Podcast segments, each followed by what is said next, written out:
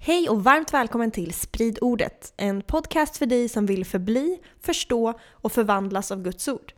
Vårt mål är att gräva djupare i Bibeln och att Guds ord ska få spridas i vårt land.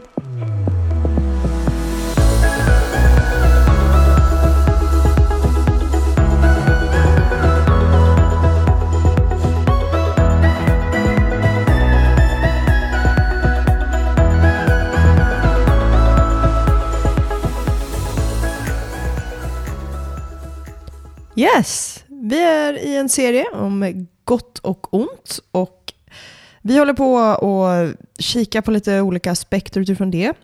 Vi har kommit igenom typ Bibelns första 19 kapitel, så vi har en bit kvar. Nej, skämt åsido, men senast talade vi om eh, begäret. Hur Bibeln blir mer levande genom paralleller mellan texter och eh, så pratade vi om Sodoms synd eh, och hur vi är kallade att leva ja, men det goda livet med rättfärdighet och rättvisa. Sedek och mishpat. Sa jag rätt nu? Ja, exakt. Det där är ju Toppen. super eh, för det är ju en röd tråd genom hela Bibeln. Liksom. Att göra det goda är att göra rättvisa och rättfärdighet. Typ. Eh, Tzedek och mishpat. Mm. Men Så- eh, ja. vad ska vi prata om idag? Idag så tänker jag att eh, äh, men nu får det vara med första Mosebok.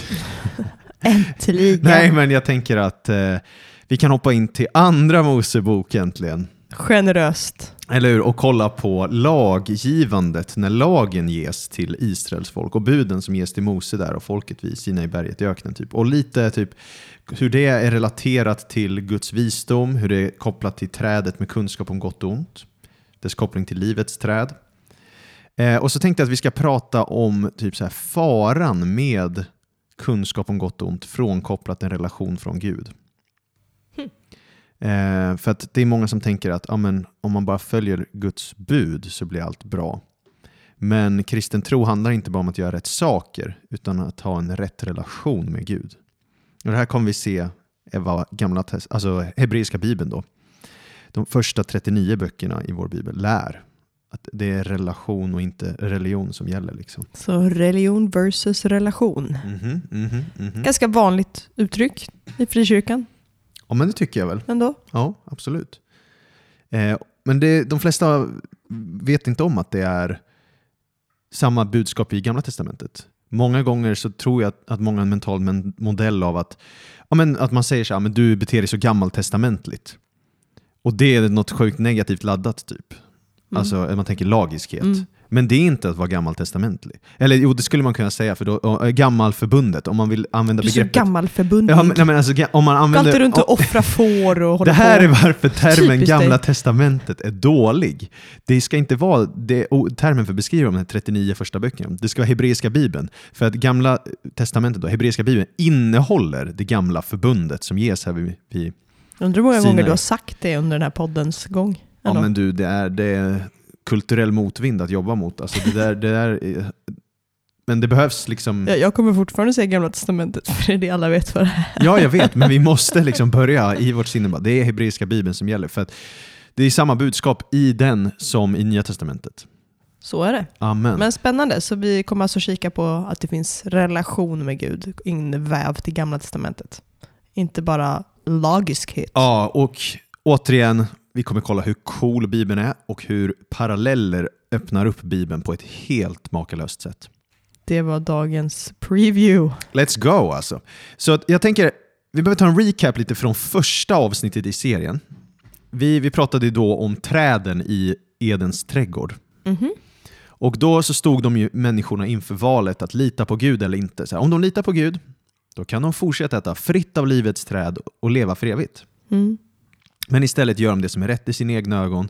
De tar del av det som är förbjudet och drivs ut ur trädgården. De förlorar tillgången till Guds paradis, tillgången till evigt liv och så vidare. Och så vidare. Mhm. Så relationen med Gud liksom bryts på något sätt. Och där har vi ju relationen ända från start. Mm, Alltså Exakt. Gud snackade med Adam och Eva. verkligen. Verkligen. Och vi kommer se då att Bibeln är som en lång story på att föra tillbaka mänskligheten i relation med Gud. Då. Så det här med gott och ont då, definiera vad som är rätt och fel, bra och dåligt. Det är ju som tråden genom Bibeln. Kommer vi människor göra det som är rätt i Guds ögon eller göra det som är rätt i våra egna ögon? Alltså synda eller inte, Mm. basically. Och vi, vi såg ju där då, i, när vi pratade i första episoden, det är några veckor sedan nu, eller många veckor sedan, ja. men då såg vi att eh, det- det här har med, med vishet att göra, det här trädet med kunskap om gott och ont. Alltså det har med, gott och ont har med visdom att göra. Eh, eftersom det, de här orden beskrev ju tov, var hebreiska ordet för bra, gynnsamt, gott, skönt, vackert, smakar gott, moraliskt gott. Och ra då var ont, dåligt, ruttet, skadligt, förgörande och så vidare. Och om man får urskiljning mellan det, då kan man ju få visdom. Liksom. Men poängen här är ju då att det är visdom som man vill ha i en relation med Gud. Så det bästa sättet att leva sitt liv på, det är att leva i Guds fruktan. För fruktan för Herren är början på visdom. Och vad är Guds fruktan? Guds fruktan är... Ja, men alltså för att förstå begreppet Guds fruktan tror jag det är bra att tänka på begreppet människofruktan. Mhm. För att, hur beter sig en människa som lever med människofruktan, skulle du säga Jenny? Man bryr sig jättemycket om andra tänker, tycker, gör. Man vill ställa sig in hos en person. Man, eh, ja då är det ganska osunt. Man är rädd för andras åsikter. Ja, exakt. Och jag skulle ju då säga att gudsfruktan blir då att när man bryr sig om vad Gud ska tycka och tänka. Mm. Så det är som en positiv motpol. Mot människofruktan. Ja. Ja. För människofruktan, åh nej, de tittar på mig, de bryr sig om vad jag gör och det påverkar ditt beteende. Då. Mm. Gudsfruktan är, okej, Gud ser mig hela tiden, hur agerar jag utifrån det? Mm. Och inte bara på ett creepy sätt, liksom att han eh, kollar, även om alltså, det är klart han, alltså, att man får en, en gudsfruktan är medvetenhet om att Gud ser mig hela tiden, men också en medvetenhet om att han ser mig utifrån sitt perspektiv av att han är god, kärleksfull, helig, allting. Liksom. Ja. Och jag tänker att gudsfruktan och helig hänger mycket ihop. Ja, Att så här, det här liksom, the A, det- vad säger man på svenska? Alltså den här Förundran. förundran, inför att vara inför en hel gud. Och det är det som blir så häftigt då, att göra den här kopplingen med gudsfruktan i att ha en relation med Gud. mm. För det gör det så, alltså en relation är väldigt vardaglig. Mm. Så det, det är någon form av så här, eh, motsägelse som är så vacker i att Gud är så superstor och helig och helt Mm. ren. Mm. Och ändå får vi ha en relation med honom. Det, Ja. det är ju sådana grejer man aldrig get your mind around. ja liksom. men verkligen, verkligen, Det är verkligen. så verkligen. mäktigt. Ja, verkligen. Det är otroligt alltså.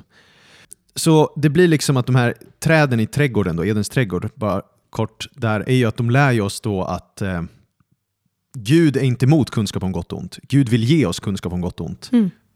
Men vi ska inte ta det för oss själva. Vi ska inte bara agera utifrån vad vi tycker är bra. Utan han vill ge det i kontexten av en relation. Ja. Så eh, det där vi pratade om var ju att om, om de skulle förbli lita på Gud, då skulle han uppenbara för dem vad som är rätt och fel, gott och ont, så att de kan leva det visa livet och sprida Guds rike Mm. till hela världen. Så att Edens trädgård kan populera hela jorden. Liksom. Trädgården kan få hela världen att blomstra. Så. Mm.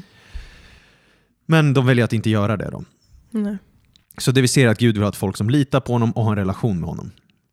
Och därför, där- och därför drivs de ju ut i Edens trädgård. Då, för de, vi säger men vi vill bestämma själva. Vi vill bestämma vad som är bra och dåligt.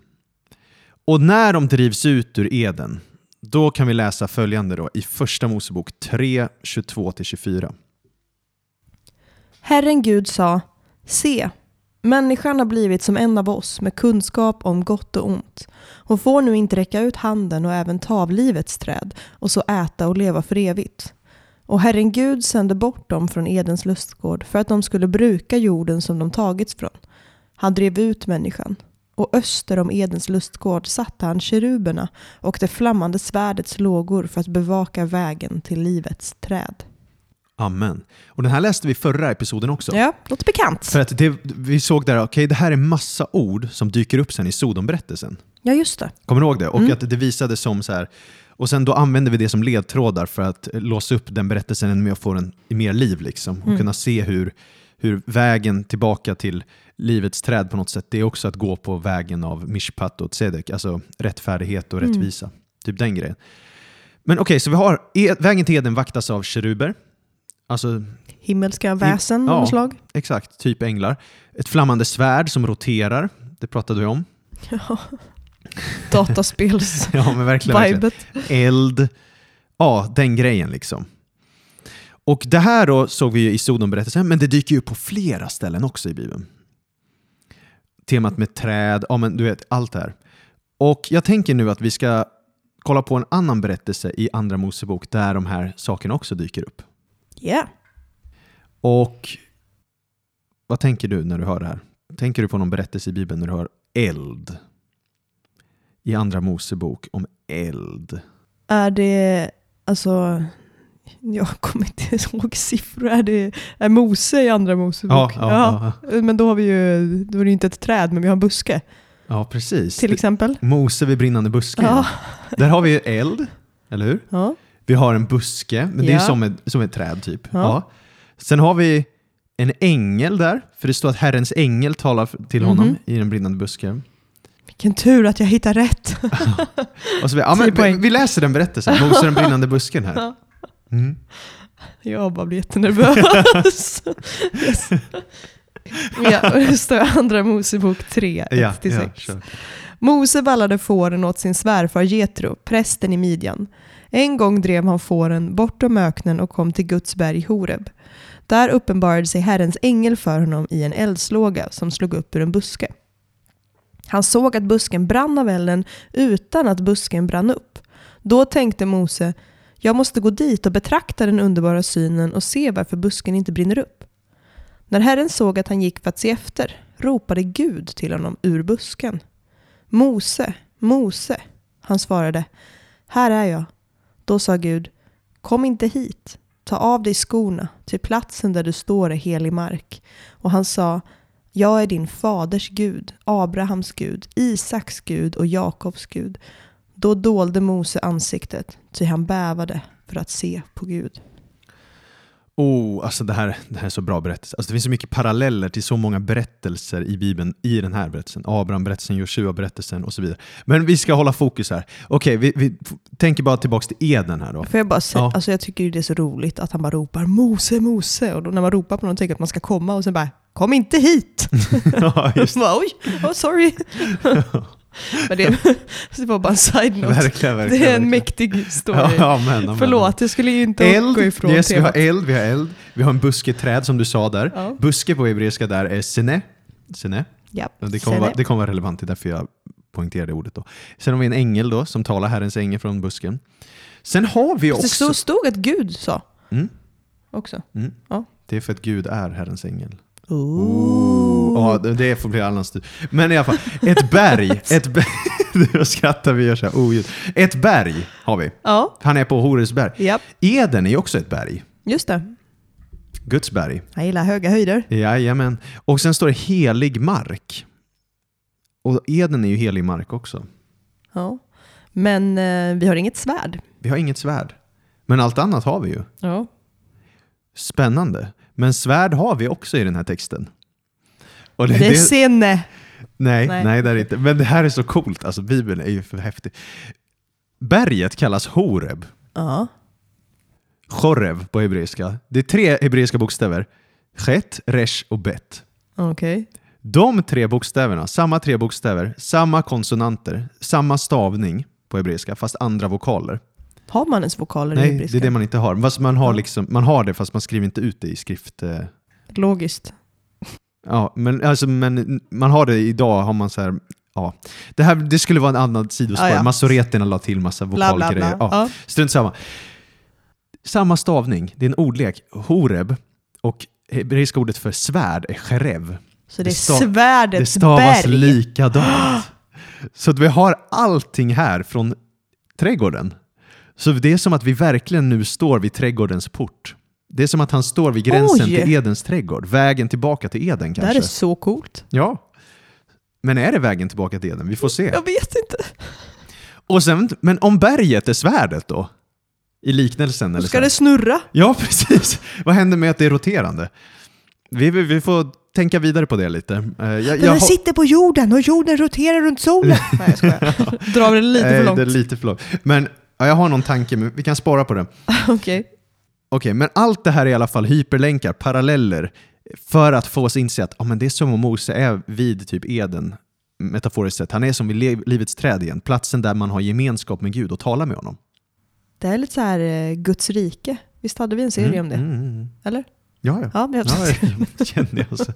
Ja, det är gravidhjärnan. Är det. Ja, mest troligt. Ja. Nej, men det är, att det är så små glimtar av Guds rike. Ja, absolut, absolut. Så är det. Men okej, så vad som händer där vid buskepisoden är att Gud säger till Moses här, du ska sändas till att befria Israel eh, eller israeliterna från slaveri. I, i, de är ju i slaveri i Egypten. Mhm. Och sen så kommer du dra ut dem därifrån och så kommer de fira gudstjänst på det här berget. Mm. På Horeb. Och Horeb verkar vara kopplat till svärd. Ja, verkar vara kopplat till svärd. Ja. Men det kallas också ibland Sinai-berget. Det känner du igen. Sinai-förbundet. Det kallas det också för att Sene är buske. Ah. Så det är liksom som kopplat både med den här busken, som är alltså någon form av livets träd kanske, vad vet jag, eller någon form av träd, och svärdet. Hmm. Så det, här, det som, verkar som att det här berget har två namn, Sinai och Horeb, buske och svärd, träd och svärd. Så det är som att det här berget, hmm, det är ju där Gud sen kommer tala och komma med de tio budorden och så vidare. Så han kommer Mm. komma med sitt ord. Och ordet är skarpare än något tveeggat svärd. Jajamän, yes så är det. Absolut. Så Guds ord kallas ju svärd i Nya Testamentet. Det är väldigt intressant, det eller hur? är Ja, du ser- skarpt. Brumtsch. Ja, men plötsligt börjar man se kopplingarna här i Bibeln. I alla fall, så efter den här brinnande buske-episoden så sänds Mose till Egypten. Genom dem, och sen är det ju tio plågor då, som kommer över egyptierna, så att till slut blir folket befriat från slaveri. Ja. De, de kommer ut ur Egypten, in i öknen, och nu ska de då fira gudstjänst på det här berget. Samma berg där Mose mött den brinnande busken och ängeln där i, eller Mm. Herrens ängel då, Guds Mm. röst. Så då kommer de till berget, och eftersom vi sett berget tidigare i Moseberättelsen så ska vi nu börja fråga oss då, liksom, är det här stunden Israel ska få komma tillbaka till en relation med Gud? Eden igen. Ooh. Så han har precis räddat dem för att nu föra in dem kanske i en relation då, där Guds närvaro är bland sitt folk och de får Guds ord att följa. Mm. Men kommer de nu välja livets träd eller kommer de välja trädet med kunskap om gott och ont den här gången? Dun, dun. Vi kollar. Det, kommer, det finns så många lager i den här berättelsen. Ja, det är grymt alltså. Men eh, okej, vi, vi kollar då när de kommer till det här berget nu som ett folk då, när de har dragits ut ur Egypten och gått genom öknen och kommer till berget. Och då kommer Gud tala till Mose och eh, säga så här i Andra Mosebok 19, tänker jag att vi läser, från vers 4 till 6. Och det är Gud som talar till Mose. Ni har själva sett Eller nej, han talar till folket. Sorry. Ja. Ja. Ni har själva sett vad jag har gjort med egyptierna och hur jag har, bru- och hur jag har burit er på örnvingar och fört er till mig. Om ni nu hör min röst och håller mitt förbund ska ni vara min dyrbara egendom framför alla andra folk. Ty hela jorden är min. Ni ska för mig vara ett rika präster och ett heligt folk. Detta är vad du ska tala till Israels barn. Okej, så Gud säger här, okej, jag vill... Eller nej, han, Han säger, säger till det till Mose, Ja, precis, som ska tala. säga vidare. Yes, så är det faktiskt. Du har rätt. Och han säger då, jag vill göra er till ett rika och präster, alltså kungar och präster. Mm. Det är ju det de var i Eden, Adam och Eva. Som kungar regerar, präster direktkontakt med Gud. Ett heligt folk. Alltså han vill, föra, han vill återställa allting, precis som det är tänkt att vara. Mm. Och då för att behålla det här Eden-tillståndet, då ska ni lyssna till min röst, hålla förbundet. Precis som Adam och Eva skulle göra, men de bröt ju mot förbundet i Eden, skingrades liksom. Mm. Men i den här berättelsen då, när de är direkt vid berget, det är vad Guds, Gud kommer för, med för erbjudande till folket. Men vi ser en väldigt sorglig twist istället. Så om vi läser där vers 10 till 13. Fortfarande i kapitel 19. Ja, precis. Det är fortfarande bara när Gud talar till dem på berget här. Då sa Herren till Mose, gå till folket och helga dem idag och imorgon och låt dem tvätta sina kläder. De ska hålla sig beredda till i övermorgon, ty då ska Herren stiga ner på Sinai berg inför allt folkets ögon. Du ska märka ut en gräns för folket runt omkring berget och säga, tag er i akt för att stiga upp på berget eller komma nära dess fot. Var och en som kommer nära berget ska straffas med döden, men ingen hand får röra vid honom, utan han, ingen hand får röra vid honom, utan han ska stenas eller skjutas. Vare sig det är ett djur eller en människa ska den det gäller, ska den det gäller inte få leva. När jubelhornet ljuder med utdragen ton får de stiga upp på berget. Okej, så poängen är här, Gud är verkligen helig. Ni ska göra redo, helger, avskiljer, gör redo. Herren kommer stiga ner på berget. Liksom. Ni kommer få möta Gud själv. Ni kommer få tala med honom. Men om ni kommer för tidigt och när ni inte gör när jag kallar, innan det här jubelhornet ljuder, liksom, ba, eh, någon form av basunljud nästan, då, då, då dör ni. Liksom. Men om ni väntar tills ni hör det, då får ni stiga upp på berget. Så tanken är alltså att hela folket ska stiga upp på berget. Mm. Att hela folket ska lära känna Gud på djupet. Att de alla i hela folket ska höra Guds röst och leva i en relation med honom. Att vara i hans närvaro. Men det som händer vidare i, i, de, i kapitel 19, det är att folket inte vill. De är rädda. Och sen så slutar det med då att det är bara Mose och, eh, och kanske de äldsta också, jag minns inte. Men det slutar med att inte hela folket blir kungar och präster sen. Utan istället så blir det att bara ett släktled blir präster, Levistam och så vidare. Och det blir inte som det var tänkt. Hmm. Och det här utvecklar Mose ännu mer i slutet av sitt liv när han reflekterar tillbaka på den här episoden i femte Mosebok. Då börjar han tänka tillbaka på det som hände vid Sinaiberget, eller Horebberget. Då. Och då, då går det att läsa så här i femte Mosebok 5 från vers 2 till 5. Herren vår Gud slöt ett förbund med oss på Horeb. Det var inte med våra fäder Herren slöt detta förbund, utan med oss själva som står här idag. Oss alla som nu lever. Ansikte mot ansikte talade Herren till er ur elden på berget. Jag stod då mellan Herren och er för att förkunna Herrens ord för er, till ni var rädda för elden och steg inte upp på berget. Intressant va? Så med andra ord, alltså Gud ville ha en relation med er allihop. Han ville prata med er ansikte mot ansikte. Det är hur, hur han ville göra. Han gjorde det först. Men ni ville inte. Ni ville bara veta vad ni skulle göra. Jaha, Intressant va? ja. De ville, Mose, du får sköta snacket. Låt oss bara få veta vad vi ska göra. Vi vill bara ha kunskapen om gott och ont. Oh, Vi vill vill inte bara ha ha- relationen. Lagen. Vi vill bara ha kunskapen om gott och ont.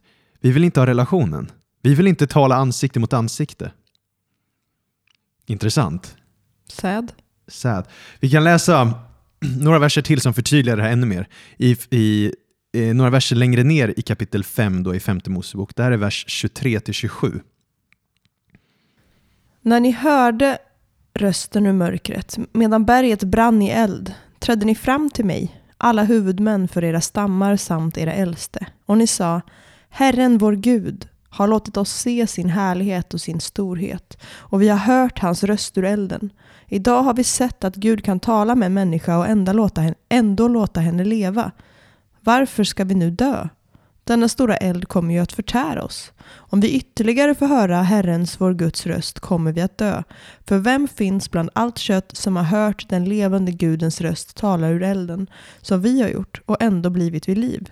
Träd, nu, träd du fram och hör allt vad Herren, vår Gud, säger, och tala du till oss allt vad Herren, vår Gud, talar till dig, så vi vill höra det och göra därefter. Precis, så vill vi höra det och göra därefter. Så med andra ord, de säger liksom till Mose, okej, vi fick se Guds härlighet, hans storhet, vi fick hörde hans röst ur elden. Alltså vi fick kommunicera med honom ansikte mot ansikte, men vi blev skitskraja. Vi vill inte ha den här relationen med Gud. Istället säger de, Mose, du får träda fram och hör vad Herren säger till dig. Och så talar du allt vad han talar till dig, så vill vi höra och göra därefter.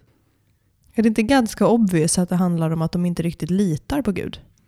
Ja. För att det är ju, alltså om de hade litat på att Gud är god Mm, till 100% då hade de inte varit rädda för att dö. exakt. Men de, är, de litar inte riktigt på att det här med att ja, Gud är, är relationell och bryr Ja, sig om ja. dem. Och de vågar Tar hand inte om dem, liksom. prata med Gud, för de är rädda. De är rädda. Eh, och det förstör relationen med Gud. Och det är det vi kommer till i Nya Testamentet när man får den här uppenbarelsen av att Gud är kärlek. Ja. Då står det ju att den fullkomliga kärleken driver ut rädsla. Mm. Och det är specifikt i kontexten av eh, sin gudsrelation. Mm. Alltså när man inser att Gud är fullkomlig kärlek, då drivs rädslan ut från att eh, kommunicera Mm. med Gud. Och jag tänker att eh, det, är där man behöver, det är därför man inte bara ska ha Guds fruktan. Utan man måste också känna till Guds kärlek. Nu har jag inte koll på alla världens religioner, men jag vet ju att till exempel i hinduism, eh, då ska vi se, vem är den här ormguden? Är det Shiva eller Vishnu? Jag minns inte. Någon av dem i alla fall. Och den ska man ju tillbe för att man är rädd för den.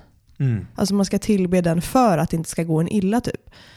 Och jag undrar vad de har blivit presenterade för, för, för typer av avgudadyrkan i Egypten. Att Just man liksom så intressant. här, Mm. man ska tillbe en gud för att den är så långt borta, men för att det ska gå dig väl. Mm. De vill bara veta vad de ska göra så att det går oss väl. Liksom. Mm, just det. Men inte det här konceptet av att ha en relation. Nej, intressant. Bara en tanke. Ja, verkligen. Intressant tanke. Så det, det sorgliga här blir ju som att okej, Gud ville verkligen kommunicera med hela sitt folk hela tiden. Men de vill istället ha en medlare. Så vad händer då? Det som händer är att Torah, alltså de fem Moseböckerna, avslutas i femte Mosebok 34, 10 med att det, stå, det skrivs den här jättesorgliga frasen att i, i Israel uppstod inte mer någon profet likt Mose, någon som Herren kände ansikte mot ansikte. Så hemskt när tanken var att han skulle känna alla ansikten mot ansikte. Ja. Alltså jag har missat det här konceptet helt. Ja. Jag har liksom bara tänkt, åh det finns massa stora ledare. Förr i tiden pratade Gud bara genom stora profeter. Ja, typ. just det. Just det. Nej, Gud har alltid velat ha det. tanken var Ja. att han skulle kunna snacka så här med alla. Alltså. Man skulle kunna säga att det Redan i alltid varit en protestantisk tanke, om du förstår vad jag menar med det. Alltså att man kan ha direktkontakt med Gud. Ja. Du behöver ingen medlare, liksom. Du behöver ingen eh, eh, Inga präst eller whatever. För alla, eh, allmänna prästedömet, liksom. Mm. det har alltid varit tanken, även i hebreiska bibeln. Då.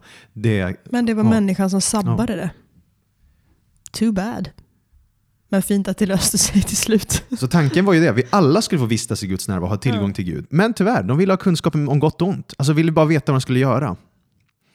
Så de ville inte ha gemenskap. Så hemskt att så många tänker att det är lagiskhet i kristendom. När det var människan själv som uppfann det. Mhm, mhm, mhm. Så det blir verkligen, ja, men de, det här är ju verkligen ett, ett sätt då för texten att säga, ja, men här valde Israel trädet med kunskap om gott och ont över livets träd. Mm. Och precis som trädet med kunskap om gott och ont ledde till döden för de första människorna, så kommer lagen bli Israels död. För lagen och buden som sen kommer på Sinai berget kommer de inte klara av att följa. Nej. Och istället kommer det bli deras död. Det de hade behövt var en relation med Gud där de kommunicerar ansikte mot ansikte, lever i hans vishet i relation med honom, där han hjälper dem och leder dem. Mm. Och Det här är något vi har pratat också om i vår allra första serie i podden som heter Greppa GT. Mm. Men jag tänker att vi recappar det, för det är, det är något år sedan här. Och, och, och vi, man kan se det så tydligt i hela berättelsen. Och jag, alltså jag vill bara hamra hem det, för många tror liksom att Gamla Testamentet är något gammalt, bla bla. Nej, det lär ut kristen teologi Mm. genom hela, alltså det, det är enad bok. Liksom. Och det som händer är ju att när, om man kollar på hur, hur israeliterna beter sig innan de får lagen, de får ju den i kapitel 19 på Sinai berg i Andra Mosebok. Mm. Det finns några ökenvandringar innan. När de har kommit över Röda havet så går de i öknen i några kapitel. I kapitel 15 till 18 och sen får de lagen. Sen får de lagen och det är massa kapitel om lagen när den ges. Det är liksom hela slutet av andra Mosebok, hela tredje Mosebok, ja, början av fjärde Mosebok. Det är där alla fastnar som tänkte att de skulle läsa igenom hela Bibeln på ett år. Ja, exakt, exakt. Men sen får man ökenvandringarna efter lagen också, i fjärde Mosebok, där det beskrivs hur de går runt i öknen efter att de fått lagen. Hur beter de sig då? Mm. Efter de fått kunskapen med gott och ont. Och det intressanta är ju då, om man jämför de här ökenvandringarna innan lagen med ökenvandringarna efter lagen, så kommer vi inte se så stor skillnad. Till exempel i andra Mosebok då, innan lagen, och fjärde Mosebok efter, tänker vi. Innan lagen klagar Israel efter en tredagars färd och klagandet fortsätter under hela resan. Det gör de också i fjärde Mosebok. I andra Mosebok 16 så längtar Israel efter mat från Egypten. Det gör de också i fjärde Mosebok 11. I andra Mosebok 16 förser Gud med manna och vaktlar från himlen. Och det gör Gud i fjärde Mosebok 11. Sabbaten bryts i andra Mosebok 16 och i fjärde Mosebok 15 bryts sabbaten. Israel bråkar med Mose och ifrågasätter varför de lämnade Egypten i andra Mosebok 17 och också i fjärde Mosebok 20. Israel ifrågasätter om Gud är med dem i andra Mosebok och också i fjärde Mosebok. Israel klagar och Gud förser dem med vatten från en klippa. Det gör han både i andra Mosebok och i fjärde Mosebok. Israel strider mot amalekiterna, både i andra Mosebok och i fjärde Mosebok. Och Israel blir så jobbiga för Mose att han måste sätta ledare för att hjälpa honom. Både i andra Mosebok 18 och fjärde Mosebok 11. Den enda skillnaden här, det är inte deras beteende, för de beter sig exakt likadant Nej. innan lagen Ja, som efter lagen.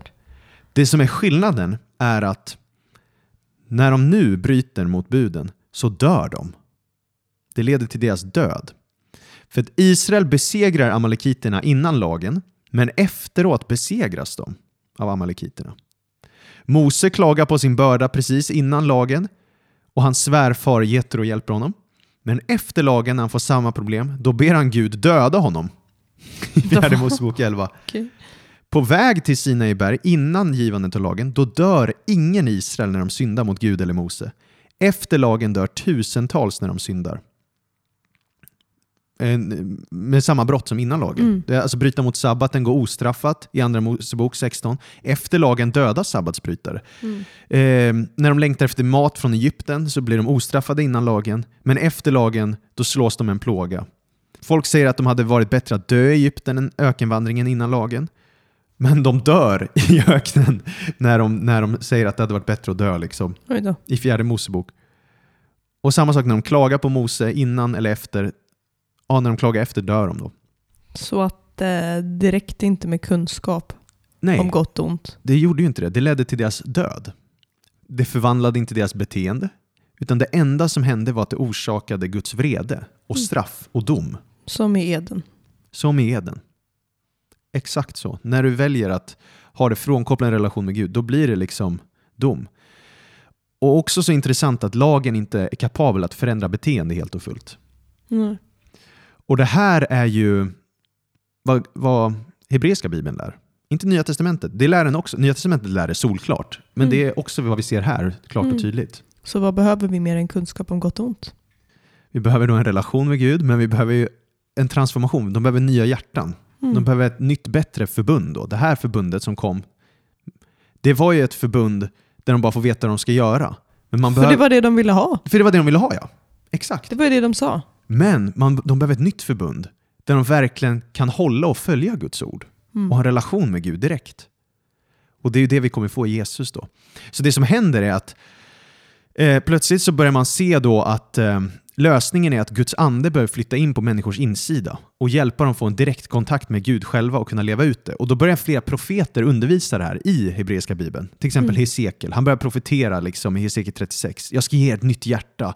Jag, eh, Gud kommer låta en ny ande komma in i er. Han kommer ta bort stenhjärtat och ge er ett hjärta av kött. Låta Guds ande komma in i er så ni kan vandra efter mina stadgar och hålla mina lagar och följa dem. Mm. Så det är som att Bibeln säger så här, men Guds ord, Guds bud, det är något gott. Lagen är något bra, för det är ju Guds visdom. Men det som var tänkt att bli till liv blir till död. För att utan en relation med Gud blir det död. Mm. Hänger du med? Så Ja. det, det blir som att vi får ett ytterligare djup nu i trädet med kunskap om gott och ont. Det handlar absolut om det vi sa innan i i tidigare episoder, att göra rätt i sina egna ögon. Men på ytterligare en nivå så handlar det om moralisk kunskap från Gud, men frånkopplad Gud i relationen. Mm. Lagen utan anden. Farligt, tydligen. Ja, men hänger med. Så, till exempel om vi skulle applicera det till idag, vad det skulle vara, då skulle jag säga så här, kristendom är inte kristna värderingar. Nej, det kan man ju ha utan att vara kristen. Exakt. Alltså, Sveriges rikes lag är ju i grund och botten byggd på... Ja, ja, inte bara, men absolut. Men- det finns men element det- av det. 100%. Verkligen. Och liksom, så det, kristendom är inte bara massa bud. Lev så här, gör så här. Utan livets träd, Mm. det är att ha en relation med Gud. Där han lär en sina vägar och hjälper en att gå på de vägarna. Det är att ha gemenskap med Gud genom hans ande. Så Gud är inte bara intresserad av det externa beteendet, eller hur? Han bryr sig främst om det interna, ett nytt hjärta, Mm. nya motiv och renhet. Alltså, där du har en relation med Gud, ansikte mot ansikte, där du inser att Gud ser allt. Mm. Gud ser precis allt i mitt hjärta och jag blir så exponerad och nu blir jag kallad till ett liv i helhet i relation då. Så jag tänker på typ ett eh, exempel man skulle kunna ge i modern tid. Sexualmoral. Mhm. Om man skulle bara begränsa det till lagen, då skulle man kanske säga så här, ja men var oskuld tills du gifter dig. Mhm. Ha bara sex med den du är gift med. Men det är inte bara vad, vad Gud kallar dig till. Gud har kallat dig till renhet. Mm. Det är någonting mycket, mycket djupare. Alltså det finns människor som aldrig haft sex som är extremt orena i sina tankar. Mm. Som tittar på pornografi eller snackar massa snusk. Deras hjärta är fullt med liksom, sexuell omoral. Mm. Och religion då ger utrymme för det hyckleriet. För då säger man, men jag håller ju buden. Mm. Jag har inte sex, säger vi, utanför ett äktenskap. Mm. Att det är bara det som syns som spelar roll. Mm. Så det blir som en religion främjar hyckleri. Mm. Och det var ju det Jesus hade problem med farisén och allt det där. Det handlar om hyckleri ju. Det blev en fasad, det var ingen relation med Gud. Det var inte att allt är naket uppenbart inför Gud. Att Gud ser allt, ta allt till honom, låt honom förvandla dig. Mm. Och sen har vi motpolen. Om vi tar Visst är det i något av evangelierna den här kvinnan som eh, med alabasterflaskan, att hon, eh, många tror att hon var en prostituerad typ. Så, Ja, ja, just det. Ja, för man vet inte varför hon hade så mycket pengar. Ja, ja, eller exakt. utsläppt hår hade man ju inte heller. Ja, jag okej. förstått. Ja, Jag vet inte. Ja, nej, Ja. jag minns inte. Ja, Nej, men och där är det tvärtom, att alla dömde ut henne och hon var oren. Liksom. just det. Men hon kom med rena motiv och hade liksom omvänt sig och fattade att Jesus var grejen. Ja, Och det är det viktigaste allt. Hon har fattat att Jesus är Guds son. Liksom, Precis. Så att på något det, sätt. Eller Messias. Ja. precis. Så att eh, det är motivet liksom. Och omvändelsen. Alltså det är inte... Ja, det går djupare än bara... Och det måste bottna i en kärlek till Gud. Ja, Och också att ha en gemenskap med hans ande och att anden hjälper en leva ut det här. Liksom. Eh, och det här utvecklar ju Romarbrevet 7 jättemycket. Vi behöver inte läsa det, men Romarbrevet 7 pratar ju liksom om hur lagen får alla de här begären vi har på vår insida som, eh, som är ondskefulla, som är uppror mot Gud, att bara väckas till liv ännu mer och vilja bryta mot buden. Och vi klarar inte av att övervinna dem, utan vi behöver att Guds ande hjälper oss övervinna dem. Då. Mm. Hur eh, gör man då? Om man inte, eller hur har man en relation med Gud? Hur har man en relation med Gud? Ja, alltså... Om någon lyssnar här nu då och bara, Mm, jag har ingen relation med Gud. just det. Jag har bara levt med att jag ska gå till kyrkan och göra det här. Eller kanske Mm. lyssna för första gången och inte vet någonting. Vad, vad, hur gör man då? Ska man inte följa lagen? Nej, men, ja, precis. Nej, men alltså, Jesus är ju vägen till Gud.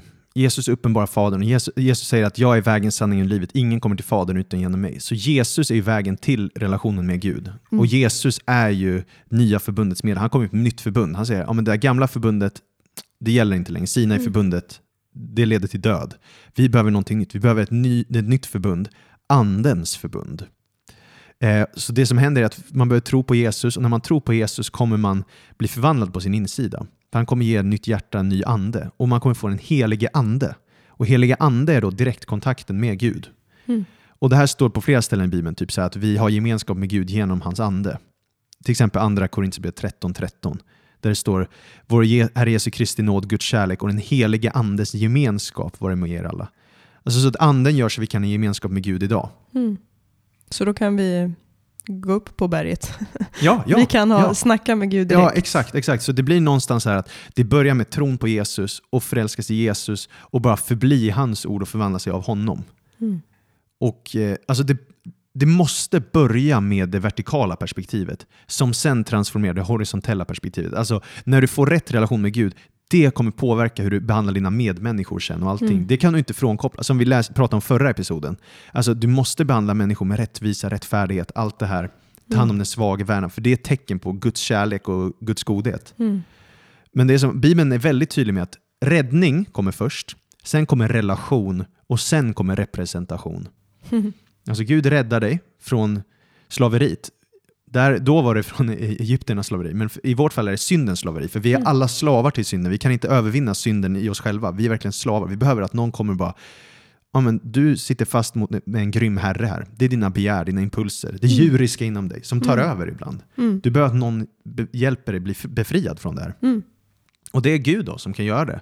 Och han säger, här blir du fri, nu kan du ha en relation med mig. Jag har gjort dig fri nu så att du kan leva ett fritt liv. Du Mm. behöver inte längre lyda alla de här syndiga impulserna. Och det gör du då när du tror på Jesus och blir hans efterföljare och vill leva på hans väg i en relation med honom. typ.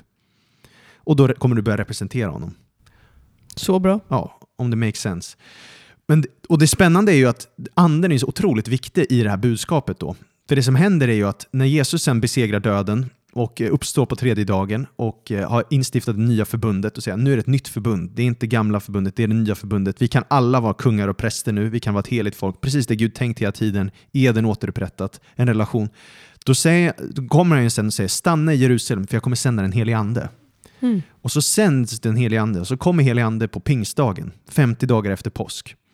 Och pingst är från början en judisk högtid som kallas shavuot, veckohögtiden. Och det här finns också i gamla testament, eller hebreiska bibeln. Eh, det, det var en tid när man skördade då. Och det är på den här dagen, den dagen gavs också lagen i Andra Mosebok 19. Mm. På samma dag. Så samma dag som lagen ges, ges anden. Typ 1400 år senare. Vackert. Och när lagen gavs, i samband med att lagen gavs, så dog 3000 personer. För när lagen ges så börjar f- 3000 personer eh, dyrka eh, guldkalv och sen dör de liksom då. Men när anden ges, då står det att 3000 personer blir frälsta i Jerusalem. Wow! Så anden kommer direkt med liv. Mm. Det är direkt kontrast. På samma dag, fast 1400 år senare, Mm. så kommer det anden med liv då. Halleluja. Halleluja. Så tänk där som avslutning vi ska läsa andra Korinthierbrevet 3. Ska vi hoppa så långt? Ja, nu kör vi Nya Testamentet här. När Paulus kommer skriva till församlingen i Korint. Och han, Yes. ja, Från vers 1. ja, jag tycker det.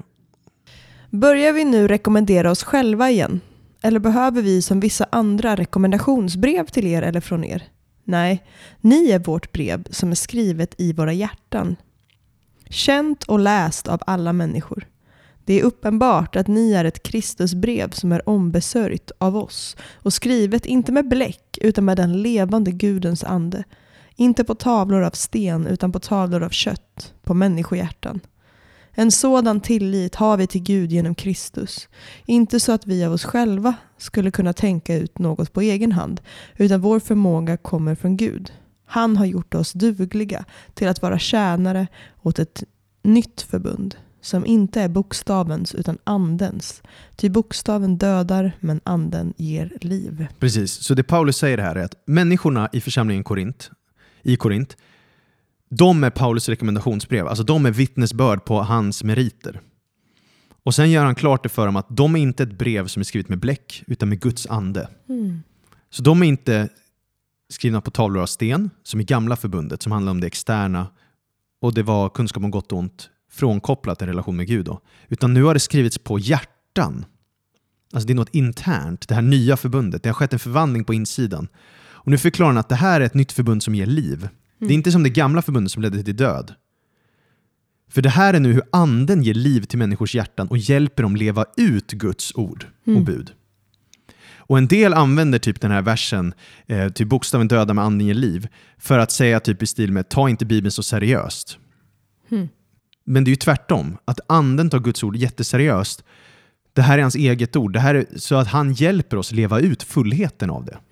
Som jag pratade om innan, alltså, att det går till det interna verkligen bakom. Så jag, jag gav exempel tidigare på sexuell eh, moral. Liksom. Men Jesus pratar ju om jättemånga sådana här saker i bergspredikan. Till exempel, ja, men, det står skrivet du ska inte mörda. Och då säger han, nej men här i nya förbundet, du ska inte ens hata någon.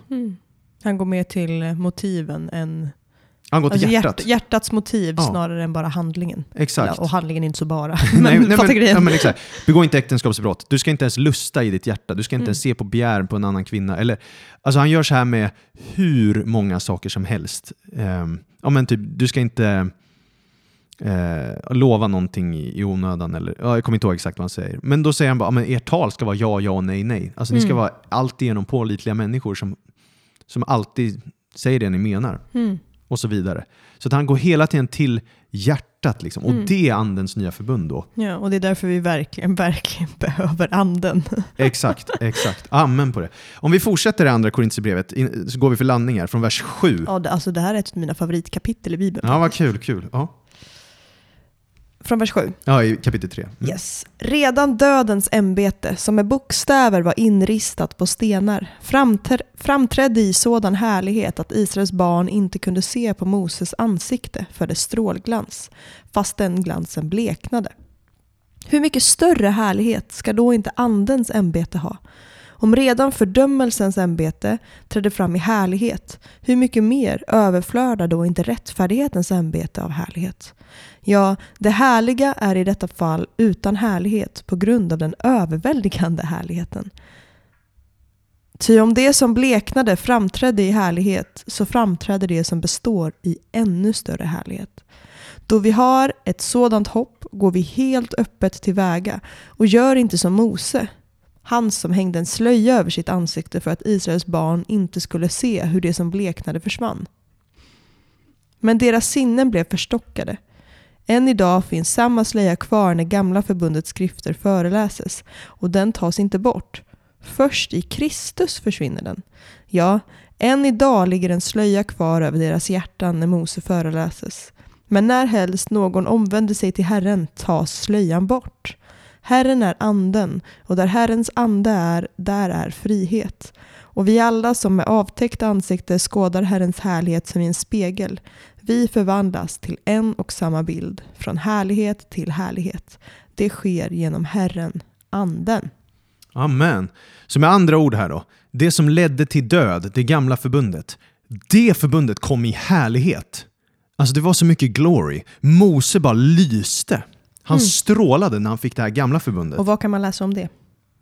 Man kan läsa om det i Andra Mosebok 34, när Mose kommer med, med, med, härlighet. Liksom. Och, det, det här, och det är det gamla förbundet, och det kommer med så mycket härlighet. Men, och, och där bara en fun fact, nu blir det en parentes här, men Mose kommer ner först en gång med lagen nu, så ser han att de dyrkar en guldkalv. Han ragear, slår sönder tavlorna, så stiger han upp igen ju och, och får. Och det är då han kommer ner i härlighet. Så att första gången han kommer ner, då ehm, kommer inte med härlighet, men andra gången han kommer ner från berget kommer han i härlighet. Mhm. Så första gången Jesus klev ner från himlen kommer han inte i härlighet. Eh, andra gången han kommer komma tillbaks, eller när han kommer tillbaks, så andra gången han kommer, då kommer han komma i fullständig härlighet, liksom, hans Boom. återkomst. Ja, men hur som helst, om det här första förbundet har så mycket härlighet då, hur mycket mer har inte då det nya förbundet härlighet? Alltså andens ämbete. Det är det Paulus försöker säga här. Okej, tänk att Mose kom, hans ansikte bara sken, han bara strålade. Och det var så jobbigt att titta på till och med så att de bara, eh, som var där sa till honom, du täck över ditt ansikte, täck över ditt nylle, alltså vi, vi, det, du lyser för mycket. Och då säger Paulus så här, okej, Mose hade så mycket härlighet. Vi har fått ett bättre förbund. Vi lyser ännu mer. Nu ska inte vi dölja det som Mose gjorde, utan vi ska öppet visa den här härligheten vi varit med om. Och nu kan vi alla blicka in i, Guds, i Herrens härlighet. Nu kan vi alla ha en relation med Gud, direkt access. Precis som Mose då, precis som hela folket skulle haft men de tackade nej till. Nu kan vi det. Vi har ett bättre förbund. Och ju mer vi umgås med Gud, desto mer kollar vi in i Guds härlighet, då blir, som uppenbaras i hans ord och hans ande. Då. Och desto mer förha- förhärligade eh, och förvandlade blir vi då. Vi går från härlighet till härlighet.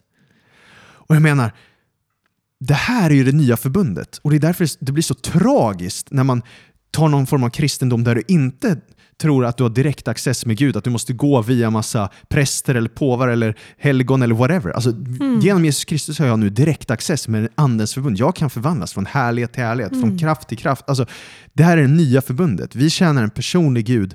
Han är intresserad av ditt och mitt liv. Han vill ha en relation. Nu ska vi inte leva i en död religion.